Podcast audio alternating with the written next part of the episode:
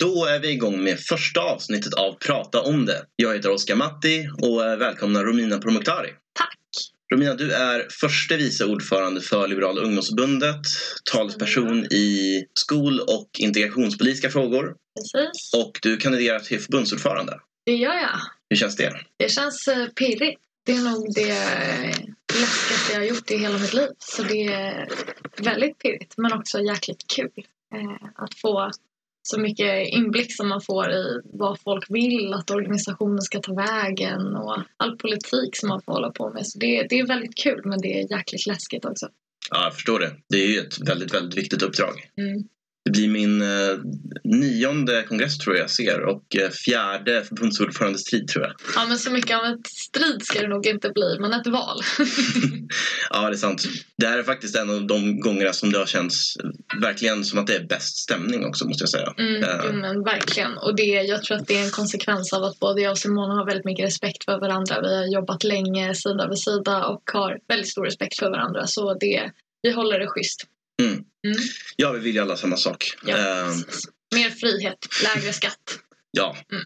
Eh, vi ska komma in på flera ämnen tänkte jag. Jag såg i Almedalen så hamnade du i lite spontan debatt med Hanif Bali om migration va? Ja, men precis. Eh, vi hade båda varit inne hos eh, GAP på ett seminarium där. Och jag ställde en fråga som jag inte riktigt tyckte att han gav ett bra svar på. Och så stod jag med Olle Westberg utanför och jag tror Hanif råkade höra att Olle sa nej, han svarade ju inte på din fråga och jag höll med om det. Och då dök han upp där med en cigg i handen och så började vi debattera lite och sen samlades det en stor skara människor som såg på så det var väldigt intressant. Eh, verkligen ett bra exempel på vad Almedalen borde vara. Mycket politiska samtal och spontana debatter liksom. Men eh, ja, nej, det var spännande. Ja, det, det såg ganska kul ut på, det var en stor folksamling som var runt liksom direkt Mm. på bilderna. Lite Men som en rap battle.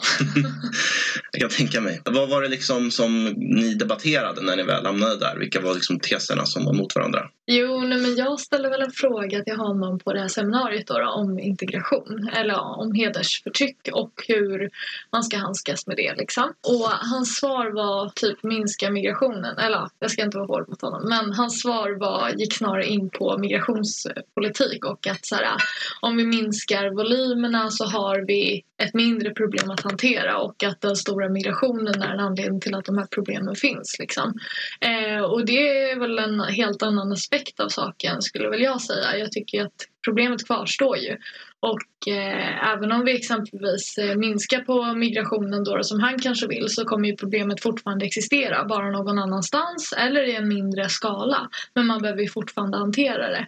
Eh, så vi stod och käbblade en del om det men det var en fruktsam debatt absolut. Ja, det måste ha varit intensivt. Uh, men jag har också märkt en tendens från flera moderater att man liksom tar det som att volymen så att säga är det enda faktorn i princip som påverkar hur bra integrationen går. Mm. Uh, så du tyckte, du tyckte att han hade den approachen helt enkelt och höll inte med. Ja, eller han har säkert en mer, mer komplex approach än så. Liksom. Men jag tycker att man gör det lite väl lätt för sig när man skyller ifrån sig lite på det. Så, när man tycker att så här, ja, men om vi bara minskar på volymerna så kommer det här problemet bli mer lätthanterligt. Och det tror jag inte. Alltså, det är klart att en integrationsutmaning blir större om man har fler att integrera. Det är ju liksom fakta. Men problemen kvarstår ju fortfarande oavsett hur stor migration man har. Och de behöver ändå hanteras. Liksom. Så då behöver man ju bara lösningar på en annan skala så att säga. Men man behöver fortfarande lösningar oavsett. Och sen är jag globalist och migrationsvän så jag kommer ju argumentera för att det inte är en lösning på problemet att minska på invandring heller. Ehm, men jag tycker att även om man vill minska på invandringen så kan man inte bara ducka de här frågorna hur lätt som helst utan eh, man får ta tag i dem och komma med faktiska svar. Det tycker jag man kan kräva av en så uppskattad riksdagsledamot som Hanif Bali är att han faktiskt kommer med mer konkreta svar. Så vi diskuterade lite om det helt enkelt en stund och sen så kilar vi vidare. Ja, man skulle nästan vilja se en organiserad uppföljare på det någon gång. Alltså. Vi får väl se. Ja, nej, men jag kan förstå verkligen den tesen också att även om det skulle ha en effekt, liksom vilken storlek du har på volymer av migrationen så har vi fortfarande massor av människor i utanförskap idag. Det är ett problem som måste lösas oavsett. Så jag tror i alla fall inte att vi har gjort allt vi kan för att göra det så lätt som möjligt att integreras. Mm, absolut inte. Och också om man ser på hur mycket av de här problemen som faktiskt berör andra generationsinvandrare. Jag gillar inte riktigt den termen men ja, ja, i brist på bättre. Eh, folk som faktiskt är födda här och har levt hela sina liv här men som ändå är väldigt segregerade och absolut inte är en del av samhället på samma sätt som andra. Så obviously är inte det här ett problem som bara är importerat utan det är ett problem som är en konsekvens av att vi inte har en politik eller ett samhälle som är anpassat efter att eh, ta emot många. Och då tycker jag att man ska anpassa samhället så att vi kan ta emot många. Just det. Mm. Ja, jag hoppas vi kan komma in på de där eh, rent praktiska lösningarna sen på hur vi fixar det. Eh, Men jag tänkte stanna lite vid migration bara. Eh, Du kallar dig globalist och vän av fri rörlighet och Liberala ungdomsförbundet är ju för fri rörlighet helt och hållet men att ja, verka för friare rörlighet och tills vi har uppnått det antar jag. Samtidigt ser vi på de här utmaningarna.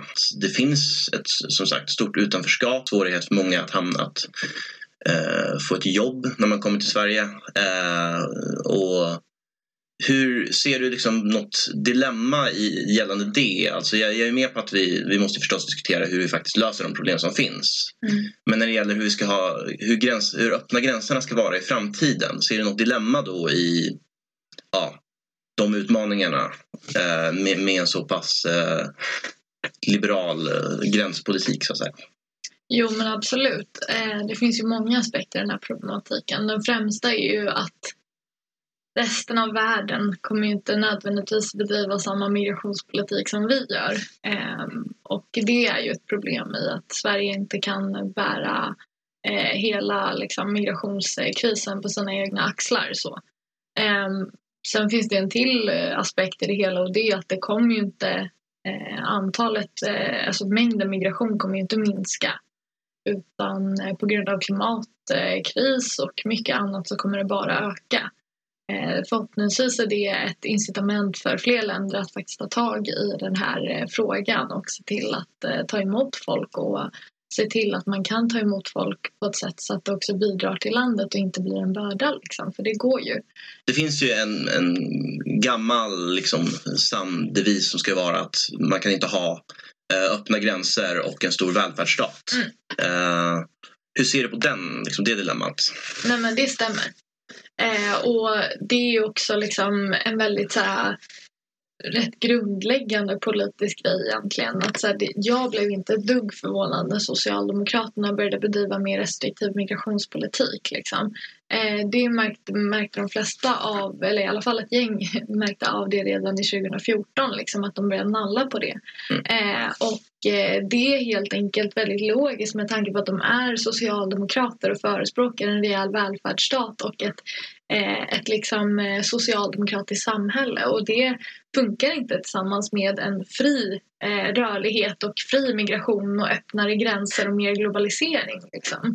Det är ju därför jag, jag är ju liberal rakt igenom. Liksom. Jag vill ju ha sänkt skatt, jag vill ha en mindre välfärdsstat. Eh, jag vill ha, eh, jag vill egentligen, ser egent, egentligen inget eget värde med nationalstaten liksom. Utan jag tror ju på mer frihet i alla aspekter och då är det väldigt enkelt att kombinera det med friare invandring också. Liksom. Det hänger ju ihop. Man kan inte bara förespråka fri invandring och en gigantisk välfärdsstat. Så jag tycker absolut att det finns en motsättning däremellan och det är därför det är så jäkla tacksamt att vara liberal. Eh, och det är därför liberalismen också är en väldigt bra ideologi och en politisk linje som jag verkligen tror på.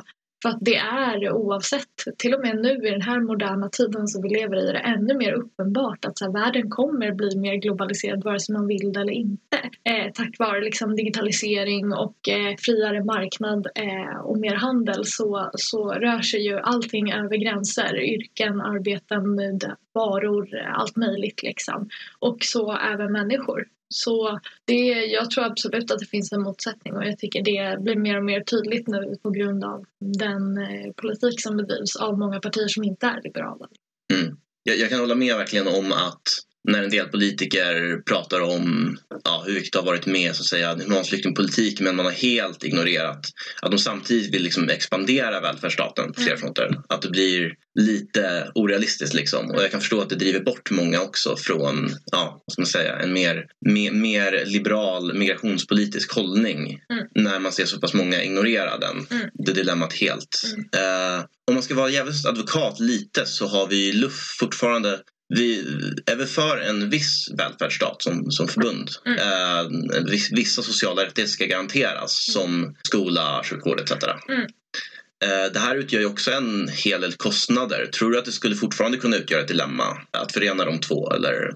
Nej, det tror jag inte. Jag tror att vi har en önskan om en så pass eh, liten välfärdsstat att det inte kommer vara ett problem. Vi, ser, vi har ju också liksom en skattepolitik och en ekonomisk politik som, som fungerar ihop med det på ett väldigt bra sätt. Så.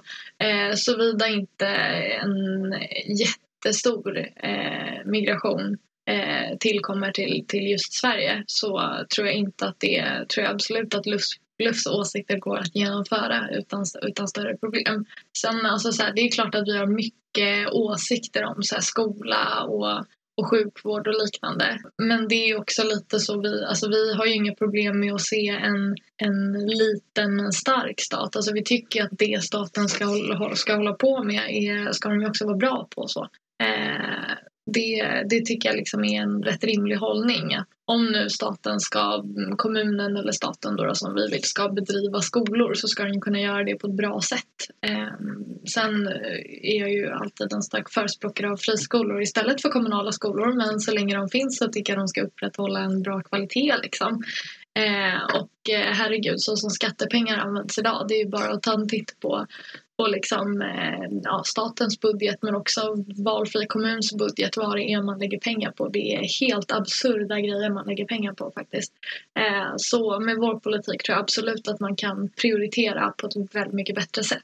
Eh, så jag tror inte att det finns någon motsättning där men jag kanske är lite naiv eller saknar lite mer självkritik. Vi får se, vi har ju kongress snart så då ska vi uppdatera vårt handlingsprogram och förnya våra åsikter så vi får se om vi gör någon radikal förändring där som gör att det finns en större motsättning. Men så som det ser ut nu så tror jag inte att det finns någon, någon motsättning däremellan utan det är rätt genomtänkt. Mm. Jag kan verkligen inte argumentera emot dig när det gäller vilka saker vi lägger skattepengar på och mm. hur nyttiga de är. Alltså vi har ju till exempel, eh, det, det, var ju något, något exempel i Nordmaling tror jag där de, där de hade ett konstprojekt som fick beviljat ett stort stöd där alltså konstens publik som avsätts för var maskar och svampar, alltså mm. skogens minsta invånare. Mm. Alltså, det där låter som något som någon har hittat på liksom. Men, mm. och, och det, det, är tyvärr inte något undantag heller. Så det, det, skulle ju garanterat vara lättare i alla fall att hantera den här utmaningen om vi inte om vi inte la pengar på en massa strunt och ifall man hade ja, mer av en linje att försörja sig själv och att, så att säga, fler incitament till arbete snarare än den linje vi har haft idag och framförallt den som vi har haft tidigare där vi har haft den här omhändertagande mentaliteten nästan. Mm. Ja, men verkligen. Och det, jag är ju själv väldigt eh, stor entusiast inför kultur. Eh, och eh, sitter i kulturnämnden i Stockholms stad exempelvis så tycker kulturpolitik är väldigt, väldigt spännande. Och det jag ser som det främsta problemet är nog inte att vi lägger pengar på konstiga grejer när det kommer till kulturpolitiken utan snarare på vilket sätt man med skattemedel tränger ute det fria kulturlivet och hur man verkligen tydligt kan se att det finns en konkurrens mellan de som har skattepengar för, som finansiering och de som inte har det. Och att det tränger ut det andra. Liksom. Exempelvis tycker jag det är helt idiotiskt att det finns Tankesmedjan, den här podden. Den ska absolut inte finnas. Det finns inget behov av Sveriges Radio att hålla på och producera underhållande poddprogram. Det är liksom inte deras uppgift. Eh, och det gör mig jävligt frustrerad för att när folk lyssnar på deras podd istället för att lyssna på annan podd så eh, ja, men de tar helt enkelt ett utrymme som, som de inte behöver ta och som inte är deras roll tycker jag. Men eh, ja, det får man ju tycka vad man vill om. Men eh, ja, jag tycker att det snarare är ett problem. Att det, det liksom skattefinansierade kulturlivet tränger ut det fria kulturlivet. Eh, och det är en enorm ofrihet man då skapar inom kulturvärlden som jag är väldigt, väldigt förbannad på och inte tycker om. Mm. Ja, jag håller verkligen med. Mm. Eh, du har också det här dilemmat att när du väl har så att staten betalar för kultur så mm. måste man ju vara ganska så hands-off när det sen kommer till vilka, vad som ska få bidrag eller inte. Mm. Vi kan ju inte sitta och sålla ut fin från ful mm. kultur och då måste vi ju kanske betala för maskar och svampkonst. Absolut, och så armlängds avstånd som den principen brukar kallas att man, man fattar besluten på armlängds avstånd eh, för, för att inte ha politiker som tycker om vilken konst som är bra och mindre bra. Det, det är jätterimligt liksom. Mm. Eh, men eh, som sagt, det, om, man, om man ska prata om det det finns så mycket jag kan prata om kulturpolitik. Jag tycker det är väldigt, väldigt spännande. Men eh, jag måste säga en grej till innan vi går vidare och det är det här med att det finns så mycket pengar, alltså skattepengar som man lägger på kultur som inte är tillgänglig. Och eh, det är klart att man får ta egna initiativ till att ta del av kultur. Men det är så mycket kultur vi subventionerar som bara är till för folk som ändå har råd och ändå hade, hade liksom tagit till sig av den på annat sätt. Eh, det tycker jag är rätt sjukt att vi inte har mer offentlig konst som är mer ute bland folket, alltså på gatorna och liknande om man nu ska lägga skattepengar på det. Utan att det är något litet obskyrt museum som ingen känner till och som bara eh, ja, men rakt upp och ner överklassen går att se på. Liksom. Eh, det har jag väldigt låg tolerans för att man med skattemedel finansierar och subventionerar sånt och kallar det för, för liksom, åh det är så viktigt att alla medborgare får ta del av det här. Ja men obviously gör de inte det för att medborgarna hänger ju på Netflix hellre eller liksom kollar på ett Youtube-klipp eller går på konserter som inte är skattefinansierade. Liksom. Eh, och det där, den omställningen behöver ju verkligen ske, att man moderniserar lite vad kulturpolitiken pysslar med. Liksom. Jag tänkte en sista grej innan vi går vidare från migration. Eh, vi liberaler utgår ofta från rättigheter som ska gälla alla människor. Alltså vi börjar ju ofta vår, vår moral liksom med att ja, det här tycker vi att du ska ha rätt till så att säga. Det brukar vara ganska obundet av nationsgränser. Men finns det verkligen något stöd för det här tror du bland majoriteten av befolkningen? Jag menar, de flesta verkar ju ha dragits mot en mer restriktiv migrationspolitik nu i opinionen och verkar så att säga inte beredda att betala för eh, ja, lika rättigheter eh, för människor som behöver fly. Eh, har vi en majoritet emot oss tror du när det kommer till mm, vår syn på mänskliga rättigheter och ja, moral på det sättet? Jo men kanske i att det är ett globalt perspektiv, alltså att vi har det globala perspektivet att vi tror på global solidaritet och att vi liksom tror på att alla människor är lika värda och om man står bakom den principen betyder det att man faktiskt behöver leva upp till det fullt ut och förespråka samma rättigheter för folk oavsett var de bor. Um, så definitivt att det är en ovanlig åsikt men uh, jag tror också att så här, jag har inget intresse av att vi ska få liksom 54 procent och hålla alla nöjda liksom. Uh, speciellt inte i luft utan vi ska ju företräda de åsikterna vi tycker är rätta. Eh, och det är ju en väldigt eh, riktig åsikt tycker jag att man, man har rättigheter som gäller liksom, universellt, som är universella rättigheter. Liksom. Men nu var ju din fråga om vad, vad liksom folket tycker om det och ja, det är sant att folket vänder sig till en mer liksom, restriktiv syn eh, och verkar ha mindre eh, problem med att eh, inskränka rättigheter eller liknande. Eh, och det är en trist utveckling. Eh, och, men jag tycker liksom inte att vi ska anpassa oss så mycket efter den utan då är det mer värt att streta emot och attrahera de som är på samma linje som vi är på. Liksom. Det är ju inte något konstigt alls att ett ungdomsförbund eh, är mer radikala än en majoritet av befolkningen så. Speciellt inte att LUF är mer radikala än majoriteten av befolkningen. Nej, verkligen. Jag menar, vi har ju fortfarande, jag tror ju inte att en majoritet vill nog åtminstone göra en del för att hjälpa till. De mm. flesta är för att vi ska ha, ha ett flyktingmottagande och ge pengar till, även ge pengar till bistånd. Så, så att, att vi, vi drar åt en, en ytterkant i, i debatten där mm, är kanske inte så konstigt heller. Vi kan fortfarande göra så mycket vi kan för att vända en större andel liksom, till vår, vår synpunkt. Ja men absolut. Men samtidigt tror jag också så här, vi ska inte underskatta hur jag ska inte vara för hård nu men det känns som att många är lite så här ursäktar sig själva med att så här, ja ja men vi kan ju inte ta ansvar för alla konflikter i hela världen och det finns faktiskt delar av Afghanistan som är säkert och så vidare och så vidare. Men så länge de själva inte är villiga att sätta sig själva i den positionen så måste de väl ändå inse att det finns en skillnad i vilken levnadsstandard och vilken trygghet man upplever i de olika länderna. Eh, och därmed borde man ju förespråka att man har rätt att, att, att vara i, på, i ett annat land så att säga. Eh, men ja, jag tycker att jorden är gjord för alla människor att leva på och är eh, väldigt eh, extrem i min syn på migrationspolitik. Så folk behöver ju inte hålla med mig. Men jag tycker att man är lite hycklare om man påstår sig stå för alla människors lika värde men inte är villig att öppna sina, sina hjärtan eller armar för att ta emot folk som faktiskt behöver skydd. Liksom. Mm. Och sen kan man ju definiera skydd på olika sätt men min definition sträcker sig väl lite längre än vad kanske en eh, sympatisör med eh, Sverigedemokraterna gör eller Moderaterna eller KD. Liksom. Mm. Nej, jag tycker också det blir konstigt när du för lika rättigheter för alla på det sättet och sen så har du ändå väldigt stängda gränser Mm. eh, politik som du driver i praktiken. Mm. Eh, ja, jag tror i alla fall att din din synvinkel på migrationspolitiken blev väldigt klar. Mm. Eh, tänkte gå vidare lite grann till mångkultur. Du skrev en artikel tillsammans med resten av Lufs presidium nu när vi fick vår nya partiledare, Mm. Nyamko Sabuni. Ja. Och eh, ni ställde lite krav då på vad hon skulle behöva göra då för att vi i LUF ska liksom stödja och backa den linjen som partiet driver. Jag tycker ju förstås det, det i sig är helt rimligt att vårt stöd ska komma gratis och vi ska vara en ideologisk vakthund förstås. Mm. Ehm, men ni tog bland annat upp frågan om, om mångkultur och mångfald. Jag tror det stod det ska alltid vara liberalers uppgift att stå för människors fri och rättigheter var de än befinner sig i världen. Mm. Hoppar över lite och sen så fortsätter det. Det innebär att Liberalerna ska verka för att människor som flyr från krig och förtryck ska få en fristad här och att vi ska ha en optimistisk syn på den mångfald det för med sig. Mm. Eh, Jag undrade om det inte är lite separata frågor. Alltså, det ena är väl, handlar väl så här om vilken syn vi ska ha på människors rättigheter, rätten att söka asyl eller inte. Mm. En ganska moralisk fråga. Men det andra är väl mer en fråga om hur det faktiskt funkar i praktiken, så att säga. Vad effekterna av att människor kommer hit blir.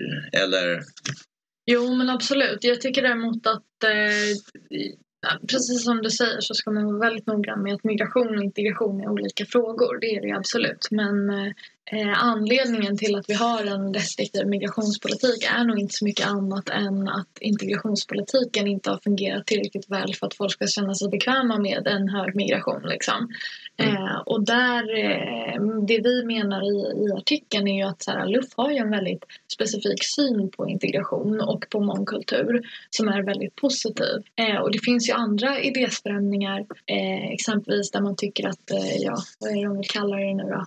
Mångkulturalism eller någonting annat eh, är, är liksom inte är någonting positivt och sådär. Eh, och det tycker ju väldigt många exempelvis kristdemokrater och sådär men det finns ju man kan även som liberal tycka det. Liksom. Det är ju bara en fransk modell av hur man ser på integration i ett land. Att liksom, ja, men du ska tillhöra en del av folket och det, det är så vi, vi lever med varandra. Liksom. Mm. Men LUF är ju lite mer för den amerikanska modellen in, inom integrationspolitiken kan man säga. Där vi tycker att integration är liksom, ja, lite som en high five. Du kan liksom inte göra den hela vägen själv utan du måste få lite tillbaka-kaka. Liksom. Man får köra 50-50 och man kan inte integrera någon som inte vill, vill bli integrerad. Eh, och det tycker jag är en väldigt rimlig hållning att ha som liberal. Eh, så. Eh, och det är väl en hållning som kanske Nyamko är lite kluven inför. Eh, och det är väl lite det vi menar i den här artikeln. Att så här, vi, vi som liberaler måste även inse att så här, man behöver inte alltid integreras i den mån som kanske en socialdemokrat eller kristdemokrat ser på saken. Utan som liberal kan man även tycka att så, här, så länge det inte medför stora problem för, för liksom ens egen överlevnad så finns det inget nödvändigt behov av, av integration eller assimilering som det ändå i den mån blir eh, på det sättet. Liksom. Eh, det är ju så jag exempelvis motiverar att jag inte förespråkar språktest. Eh, jag tycker liksom inte att det är ett krav att man kan svenska i det här samhället. Det funkar att inte kunna svenska. Eh, det är bra om du kan engelska, liksom. det underlättar ju väldigt mycket. Men du kan klara det här utan att kunna svenska. Eh, det finns väldigt många tekniska hjälpmedel och det, vi är ett land som, som, där man kan många språk. Liksom. Så det, eh, jag förstår liksom inte egenvärdet i att sätta krav på folk att lära sig språket utan det får vara ett eget initiativ man tar. Och de flesta som kommer hit vill ju lära sig språket. De vill ju skaffa ett eget jobb och försörja sig själva. Och då ska vi göra det enkelt men vi ska aldrig tvinga folk. För det är liksom inte statens uppgift. definierat på vad ehm, Jag har gett massa politikersvar här nu som inte absolut, som inte alls svarar på frågan. eh, Nej då, det tror jag inte. Eh, nej, men jag försöker mer eh, formulera eh, vad jag ser som ett, ett problem som skulle kunna vara. Eh, det är mer det här att du tänker dig att det här är två ganska separata inställningar. Att dels så är du för rätten att söka asyl och dels så har du en positiv syn på eh, ja, du Ja, tror att man kan integreras utan att ge upp en massa av sin gamla kultur så att säga. Absolut. Och jag är ju av åsikten att ens identitet är för det första någonting som är extremt personligt. Mm. Och som jag absolut som, som liksom klassisk liberal tycker jag politiker ska ge fan i det. Liksom. Mm. Men på ett personligt plan kan jag också, för jag har ju liksom två eh, identiteter, jag har två medborgarskap, jag har två kulturer, jag kan eh, väldigt många språk och jag, är liksom, jag har väldigt många olika delar av min identitet. Och någonting jag alltid förundras över är hur mycket mer bekväm jag känner mig i att vara svensk när jag också får vara iranier och när jag också får fira Nowruz och Eid och göra allt som jag gör i min persiska kultur kultur så känner jag mig så mycket mer bekväm också när jag firar midsommar och jul och gör andra saker som är supersvenska. Liksom. Och att det inte finns någon motsättning däremellan att man måste ha en identitet och en kultur utan jag känner mig mer bekväm och mer trygg i min identitet som svensk och min, min rätt att vara svensk och min delaktighet i det svenska samhället när jag också får vara bekväm och trygg i att jag också är iranier. Liksom. Eh, så jag ser verkligen ingen logik i att man ska tvingas in i det ena för att eh, klara sig i samhället eller för att saker och ting ska rulla på. Liksom. Eh, så, så det är lite den synen jag har på det. Men eh, eh jag tänker på det här du ändå, här, din fråga är ändå om det är, inte är separata frågor. Mm. Och eh, jag tycker att det är det. Mm. Men de är ju sammanvävda. I praktiken så blir det ofta. I praktiken, exakt. I, eh. ska man se på det pragmatiska liksom, i mm. konsekvensen av, av, av de här frågorna att när man ska prata om rent konkreta lösningar så sammanvävs de ofta. Liksom. Men det ena, det ena är ju något beroende av det andra och därför pratar man om dem tillsammans. Men de mm. är separata frågor, ja. ja, jag förstår. Nej, men jag, jag, tror, jag upplevde det också som ett av de största skiftena i debatten 2015. För innan dess så verkade det som att de flesta i ja, offentligheten hade en ganska optimistisk syn på vad invandringen till Sverige fick för konsekvenser, alltså ekonomiskt också. Mm.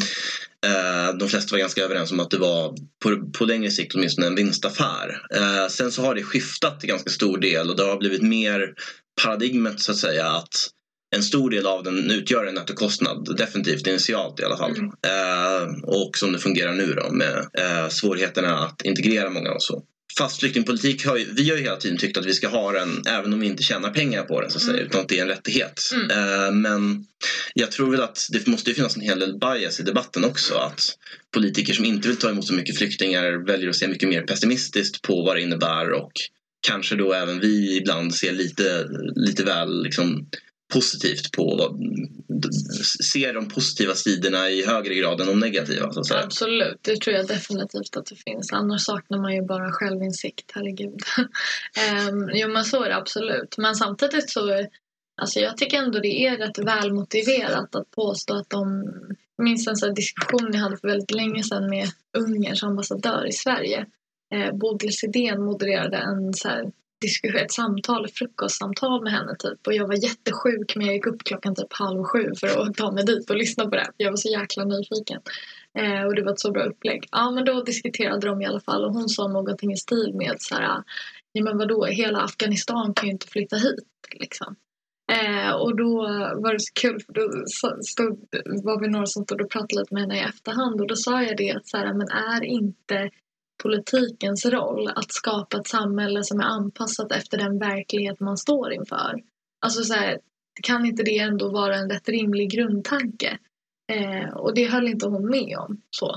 Mm. Och där, det är en rätt tydlig motsättning kanske att det kanske är lite väl idealistiskt men jag har inga problem med att vara en idealistisk politiker. Att så här, politikernas roll är att skapa ett samhälle som är anpassat efter den verkligheten man står inför. Och det är inte att tvinga in verkligheten efter de, den, de spelregler som politiken har satt och de spelreglerna som staten sätter. Liksom. Eh, och det, ja, jag tycker det var en intressant motsättning liksom, som verkligen tydliggjorde att jag är liberal och hon inte är det. Liksom.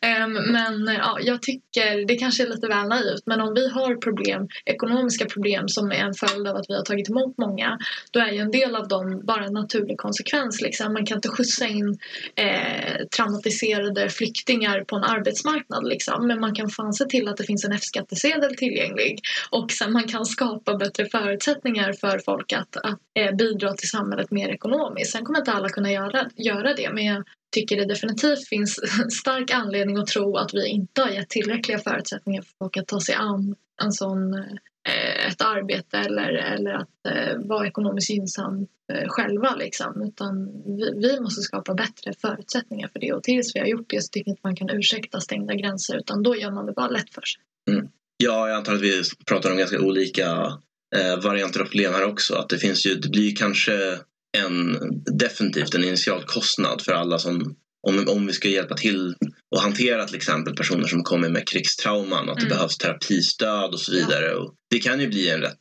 en rätt tung belastning mm. för eh, kommuner och så ifall det skulle komma många på en gång. Mm. Eh, men så ser vi den, det stora dilemmat som vi har är väl egentligen att väldigt många människor inte kommer i jobb år efter år efter år och därför så blir det en väldigt lång och stor nettokostnad och skulle man få bort den så skulle det bli en väldig skillnad förstås. Mm. Och samtidigt har vi liksom en arbetsförmedling som bara slukar pengar och absolut inte anpassar sig efter den verklighet de står inför. Eh, så jag tycker att så här, äh, det är jättebra att vi tar, tar emot människor med alla slags förutsättningar och det ska absolut mm. inte vara som Kanada där man, fan vad jag stör mig på att folk idealiserar Kanada så jävla mycket. De tar ju bara emot den lätta migrationen så att säga och känner sig så jäkla stolta över det. Eh, de som ska vara stolta är ju sådana som Sverige och Tyskland som faktiskt tar emot folk oavsett. Eh, och på, på grund av, eh, eller liksom den grunden man har för att ta emot folk är vilka eh, skyddsskäl de har. Det är det riktiga, det är det rätta och det är en svårare grej än det Kanada står inför. Liksom.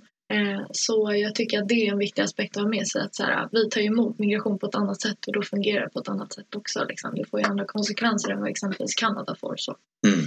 Ja, absolut. Uh, jag hade en till sån här kontroversiell sak jag skulle föra in. Uh, uh, den här texten som Kajsa Dovstad skrev om Jimmy Moments. Du känner till den? Mm, den har ju varit svår att missa.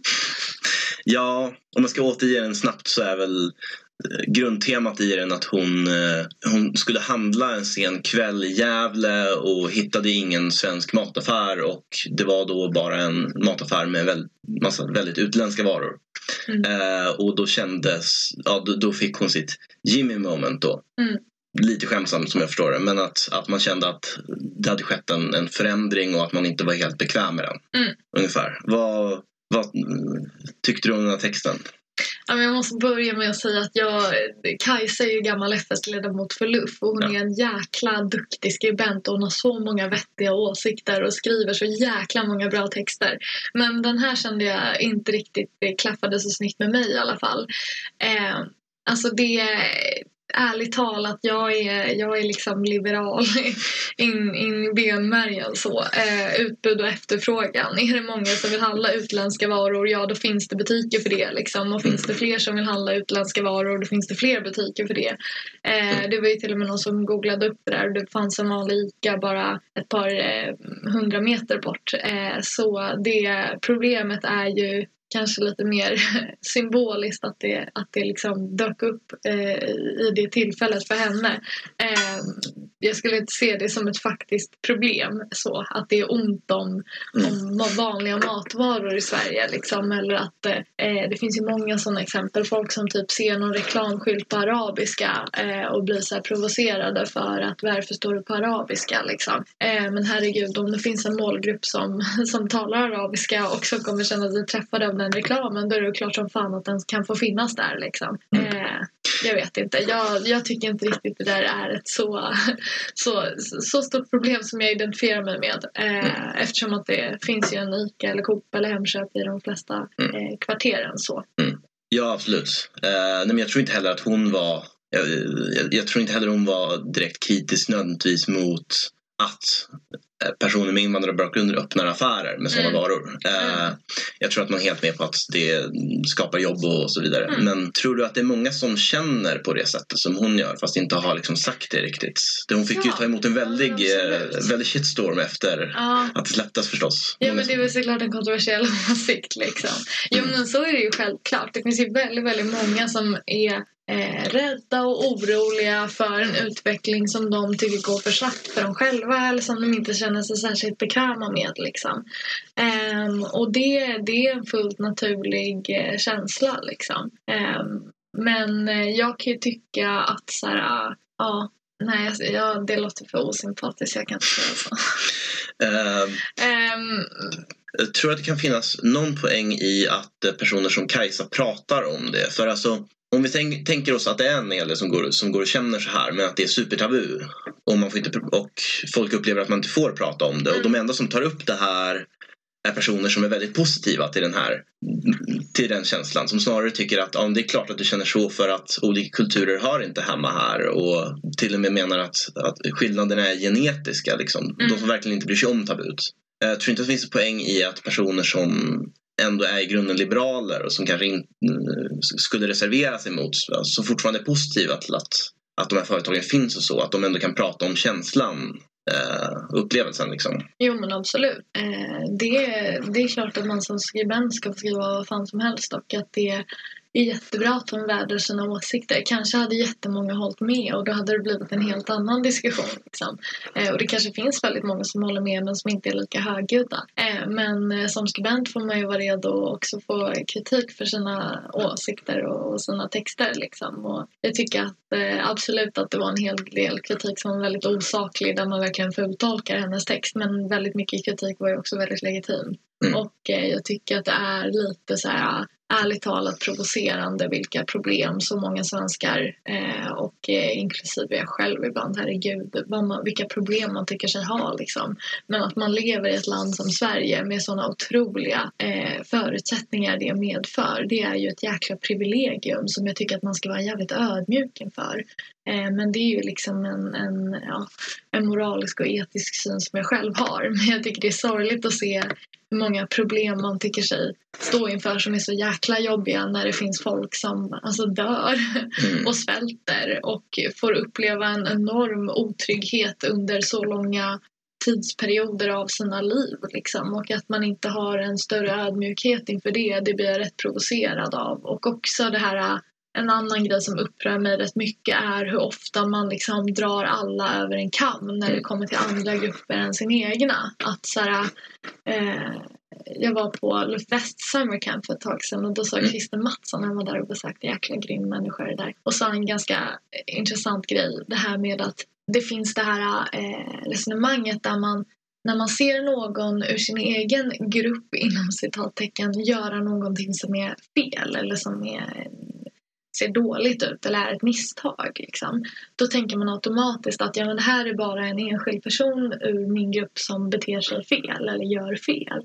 Eh, men när man ser någon i en annan grupp göra ett likadant misstag eller ett, ett fel eller beter sig illa eller liknande då dömer man rätt snabbt hela den gruppen utefter den här enskilda personens beteende. Och det är liksom ett problem som jag definitivt tycker mig se jävligt sorgliga utvecklingen som har skett i Sverige där ändå rasismen ökar och där fördomarna växer i att man dömer så många invandrare eller vad man nu ska kalla folk eh, utefter vissas beteende. Liksom. För det finns så många invandrare som lever i Sverige och eh, har det superbra och det är problemfritt och de har sina boenden och sina arbeten och de betalar skatt som vilken annan jävel som helst här. Liksom.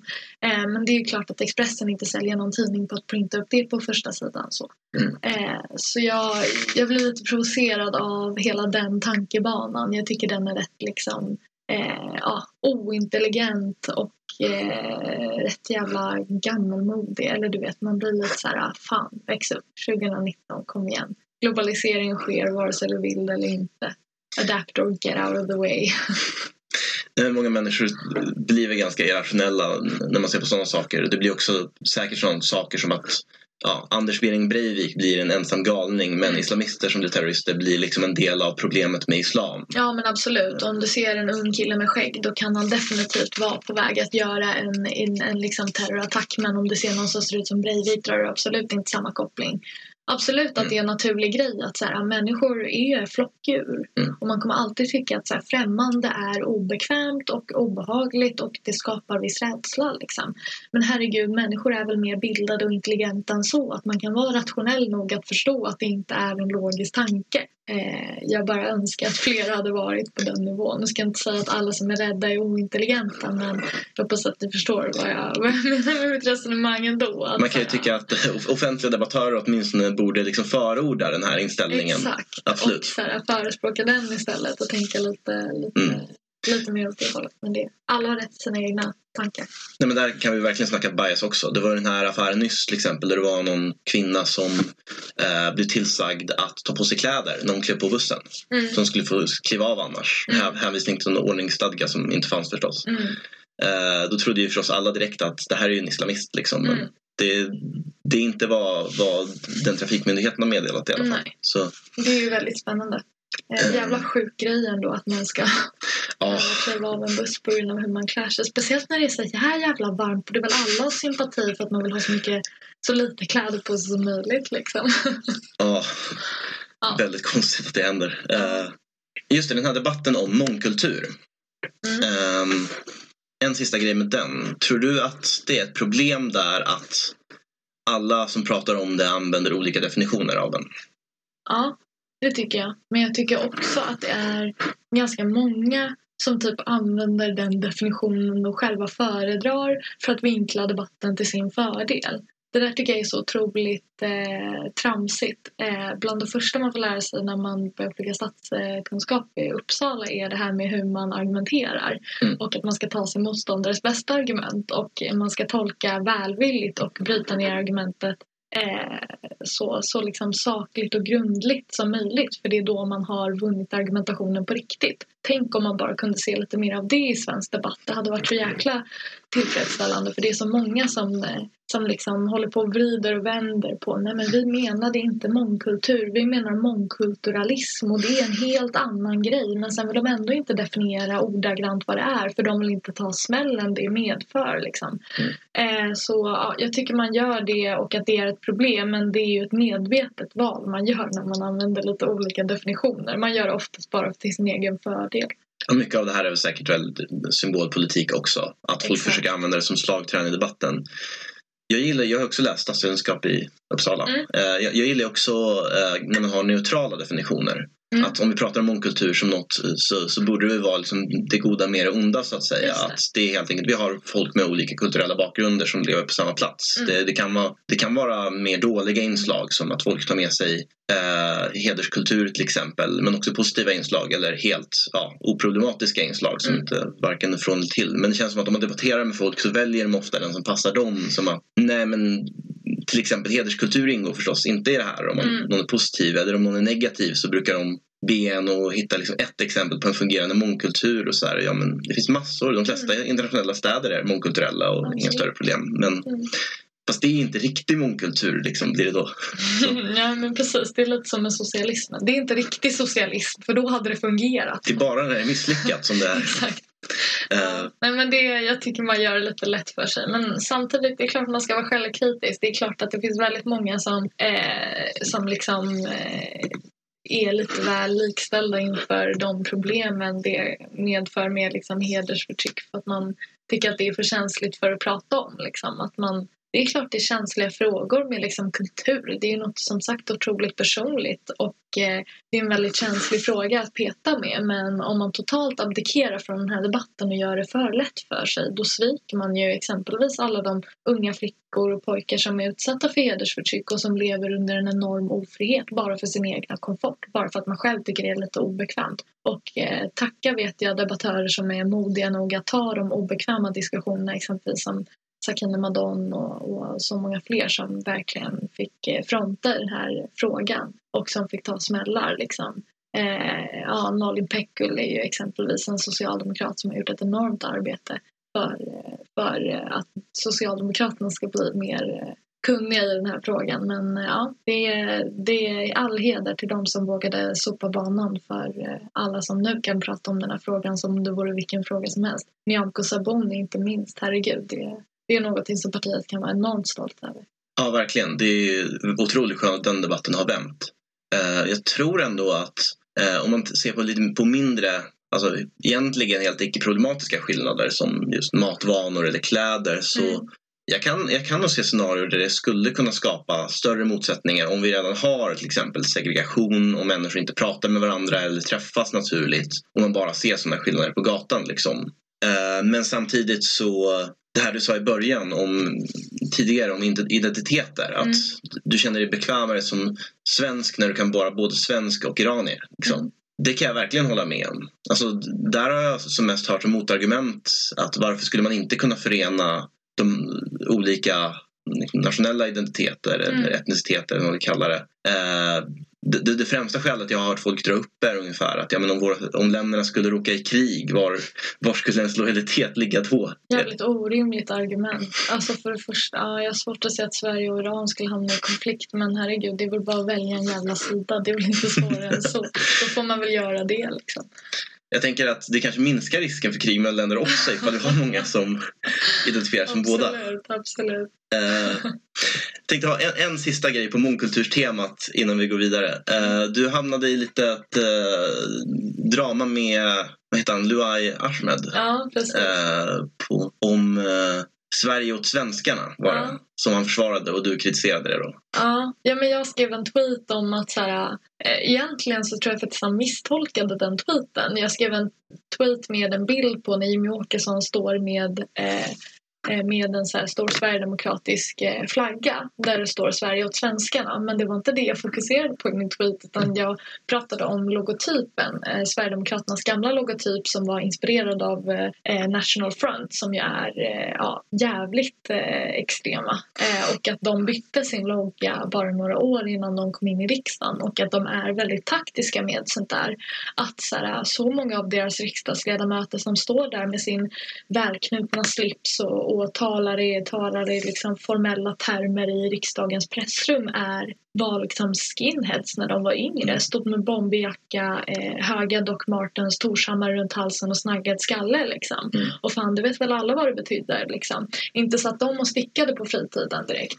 Eh, och det var liksom det min Twitter-rant handlade om. Att såhär, man ska inte underskatta Sverigedemokrater. Det var så mycket fokus när jag skrev den här tweeten på Alternativ för Sverige och Medborgerlig Samling och så många andra. Och det där är ju superpositivt för Sverigedemokraterna att det finns fler extrema alternativ som är värre än dem. Men Sverigedemokraterna är extremister, alltså de har extrema åsikter. Om man läser i deras principprogram står det fortfarande att människor har nedärvda essenser Eh, och att, liksom, eh, ja, att människor är olika baserat på mm. eh, vilka gener de har. Liksom.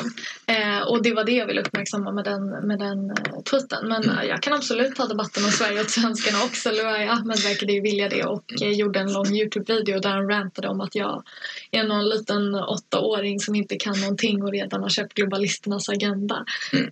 så ja, jag gav ett litet svar på det. Det var kul. Jag har faktiskt över 10 000 visningar på de videosen så det känns oh. skitkul. Ja.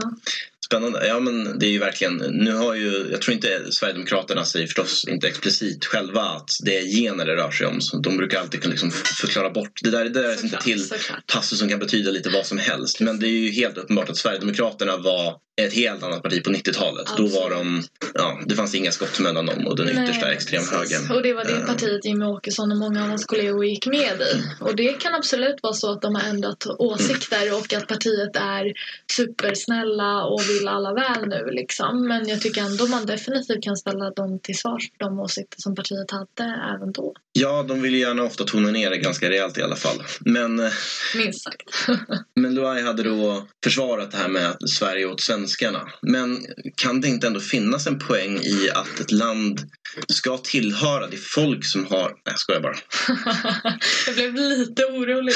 Nej, men alltså så här, hans resonemang, det finns ju många som är såhär, men vadå, det är väl klart att man kan säga Sverige åt svenskarna om man har en definition av att svenskar är de som liksom är svenska medborgare och att det inkluderar folk som har kommit hit och så vidare och så vidare. Mm. Absolut, liksom. franska integrationsmodellen existerar och så kan man tycka. Liksom.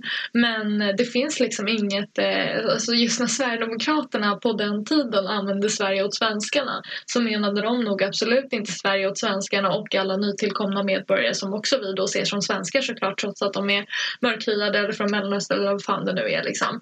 Eh, och det tycker jag är ganska idiotiskt med tanke på att det verkligen sätter, cementerar den här bilden av att det finns en massa invandrare som springer runt och missköter sig och lever på bidrag och så finns det en massa svenskar som är så jävla duktiga och flitiga och gör allting korrekt och så ser inte verkligheten ut. Det finns enormt många invandrare som bidrar till vårt samhälle på ett väldigt, väldigt tacksamt sätt eh, och de ska ha liksom precis samma förutsättningar som alla andra svenskar, hur man nu vill definiera det begreppet. Eh, och det var liksom den debatten vi hamnade i, och Luai då. Just det. Ja men det det är inte så ägande fungerar heller. Liksom. Det, det är till, ägande är inte kollektivt på det sättet. Liksom. Du äger inte något bara för att du är en del av du fast på ett visst ställe. Exakt, det, uh, den bilden delar jag också då. uh, och det är ju verkligen, det blir ganska intetsägande med Sverige åt svenskarna om svenskar ja, är alla medborgare så att säga. Men det, det är klart att det inte var det de menade när de sa det på 90-talet. Det kommer ju från Bevara Sveriges vänsterrörelsen. Liksom. Den sloganen betyder ju verkligen inget ifall du skulle mena att alla, med, alla svenska medborgare. Nej, uh, precis. Du vill bli ordförande. Ja. Vad skulle du vilja ändra på i LUF? Oj. Eh, ja, jag har ju varit aktiv i LUF ett bra tag. Eh, det finns ju mycket i LUF som jag tycker är så jäkla bra. Eh, och för att låta mig själv börja där så skulle jag ändå säga att eh, jag älskar att vi är så jävla radikala och bråkiga. Eh, jag älskar att vi är, eh, står upp för våra åsikter i vått och torrt. Eh, jag gillar hur mycket vi står emot partiet och väcker alla möjliga slags eh, eh, känslor hos dem. Även om det ofta är väldigt mycket positivt så är det också att de blir jävligt provocerade av oss och det tycker jag är bra. Men jag tycker också att vi kan vara mer ideologiska vakthundar än vi har varit hittills. Så jag tycker också att vi kan vara mer högljudda än vi har varit hittills. Ehm, och jag tycker också att nu när vi har en ny partiledare så Eh, Nyamko är otroligt karismatisk och jag tror verkligen att det kan gå så jävla bra med henne i, i fronten. Eh, men det kräver också att vi är den idépolitiska vakthunden på ett helt annat sätt än vi har varit tidigare. Eh, och det gör vårt, eh, alltså ungdomsförbundets uppgift och eh, uppdrag i att liksom samla skola slussa så mycket viktigare än, än tidigare. Ehm, så jag vill helt enkelt att vi är en idépolitisk motor. Ehm, att det är vi som producerar mycket som partiet plockar på sig men också att vi är jävligt högljudda när vi skäller ifrån på ett bättre sätt än vi har varit hittills. Och där tycker jag absolut att vi inte har gjort tillräckligt. Jag, jag tycker att vi ska vara mer än vi har varit tidigare och speciellt den senaste tiden. Där vi med, eh, med liksom god grund har resonerat att det är viktigt att Eh, ungdomsförbundet eh, tar sig in i partiet och att vi har en god relation med partiet och det tycker jag absolut att vi ska upprätthålla. Men det kan inte vara på kostnad, på bekostnad av den ideologiska vakthunden vi ska vara. Vi behöver liksom skälla ifrån när vi tycker att partiet gör fel och vi behöver göra det i en högre utsträckning än vi har gjort hittills. Och så får vi hoppas att det går bättre för partiet nu och att man inte gör lika många misstag som man har gjort hittills för då har vi ju inte lika stor anledning att skälla. Men jag tror absolut att vi behöver vara på vår vakt och vara mer högljudda än vi har varit, varit tidigare. Så jag vill att vi är den idépolitiska motorn nu när partiet kommer gå in i ett förändringsarbete och se över den politiken de bedriver. Mm. Ja, jag menar, det har ju varit lite mindre, ska man säga, lite hetskare stämning mellan förbundet och partiet tidigare. Mm. Eh, nästan så att många inte har varit medlemmar i partiet och som att man har kritiserat dem för ja, väldigt mycket och ja, i princip det var, det var nästan coolt att tycka liksom, att partiet nästan inte liberala på någon punkt. Liksom. ja absolut och så äh. behöver det inte vara. Liksom. Vi behöver inte gå full on Linda Nordlund så. Men jag, jag, jag uppskattade ändå den högljudda kritiken som vi ändå hade mot partiet när de förtjänade det.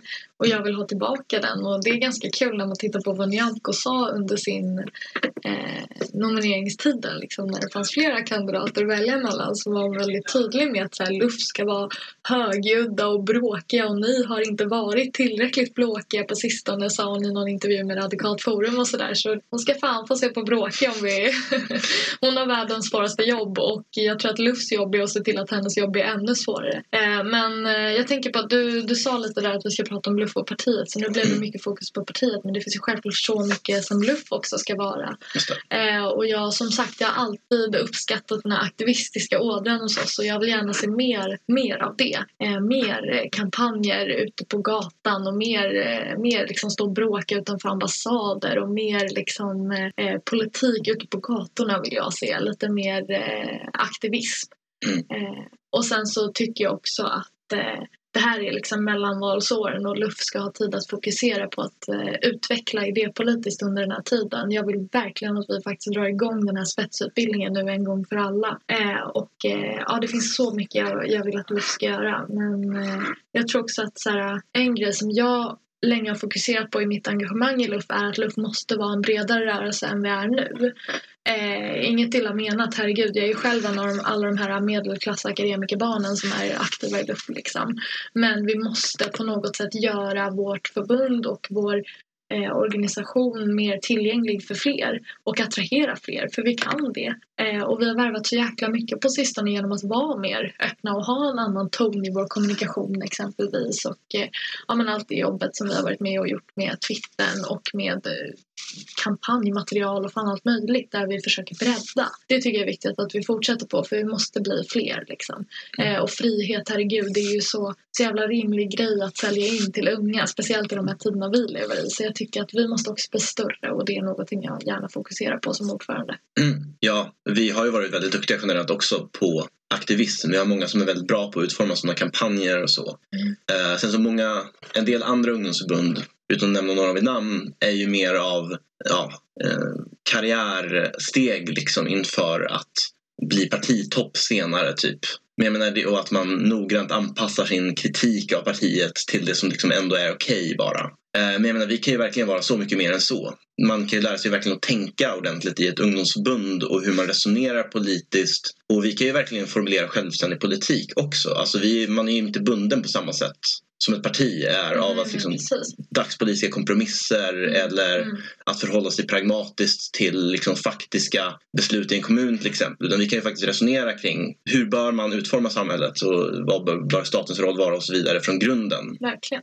Uh. Uh, absolut. Det finns ju liksom, det finns så många fördelar i hur man rent uh, idépolitiskt, alltså det är ju så många som går med i LUF och verkligen är efter några år är så här, men herregud jag har lärt mig mer än vad jag gjorde i skolan. Liksom. Eh, säger ju en del om vilket skick svensk skola är i men också om hur jäkla lärorikt det kan vara att vara med i LUF. Eh, och det finns ju också så här, jag tycker ändå det är trist att se att ibland är det liksom lite trögt. Alltså våra hjul rullar inte så, så mjukt som jag hade velat att, det, att vi rullar på. Liksom. Det finns så många distrikt där man har så enskilda kämpar som styr upp allt från liksom bokföring till ett arrangerat Café Liberal och ordna årsmöten och springer omkring och sliter ut sig eh, helt ideellt och, och så här, sen försvinner och lämnar en tomhet efter sig. Och eh, det, alltså folk kan själva såklart och, och så här, förbundets uppgift är ju inte att, eh, att hålla upp alla distrikt men vi måste ju ändå ge liksom, verktygen för att göra det så lätt som möjligt och hjälpa till i att liksom, eh, lära sig hur man gör helt enkelt. Eh, och eh, jag tror ändå att det är någonting som vi kan bli bättre på. Eh, för att så här, det är klart att det är en fördel att vara med i luft för att man lär sig saker men man ska också känna att det utvecklar en som person att man, liksom, man gör det med lust och man lär sig mycket och man utvecklas på, på det sättet. Liksom. Eh, så ja, det är också någonting vi behöver jobba med och jag, jag har nämnt att jag gärna drar igång spetsutbildningen. Jag ser också exempelvis gärna att vi har en till ledarskapsutbildning så att man känner sig bekväm med att vara ordförande med allt vad det innebär i ett distrikt eller sitta i en styrelse i ett distrikt och inte bara kastas in i det hejvilt. Liksom. Eh, men också så är jag rätt taggad på att starta igång ett mentorskapsprogram. Eh, där jag tänker att vi kan styra upp någonting där man, som, eh, där man får en mentor eh, som är partist kanske eller annan gammal luffare som är erfaren av, av liksom den rollen man har och som man kan ta hjälp av och stötta sig i. Liksom. Så jag har många idéer som jag vill dra igång eh, och det är några av dem. Men ja, det finns mycket att göra med luff. Mm. Det låter spännande. Det blir ju väldigt förstås är positivt ifall inte till exempel engagemanget i ett visst distrikt blir bara beroende av att det finns en enskild person utan att du har den organisatoriska stommen som gör att det kan pågå över tid och liksom ja, att eh, du, ta, du kan tillgodogöra dig erfarenheterna från de som har jobbat där innan, det finns rutiner och så vidare. så.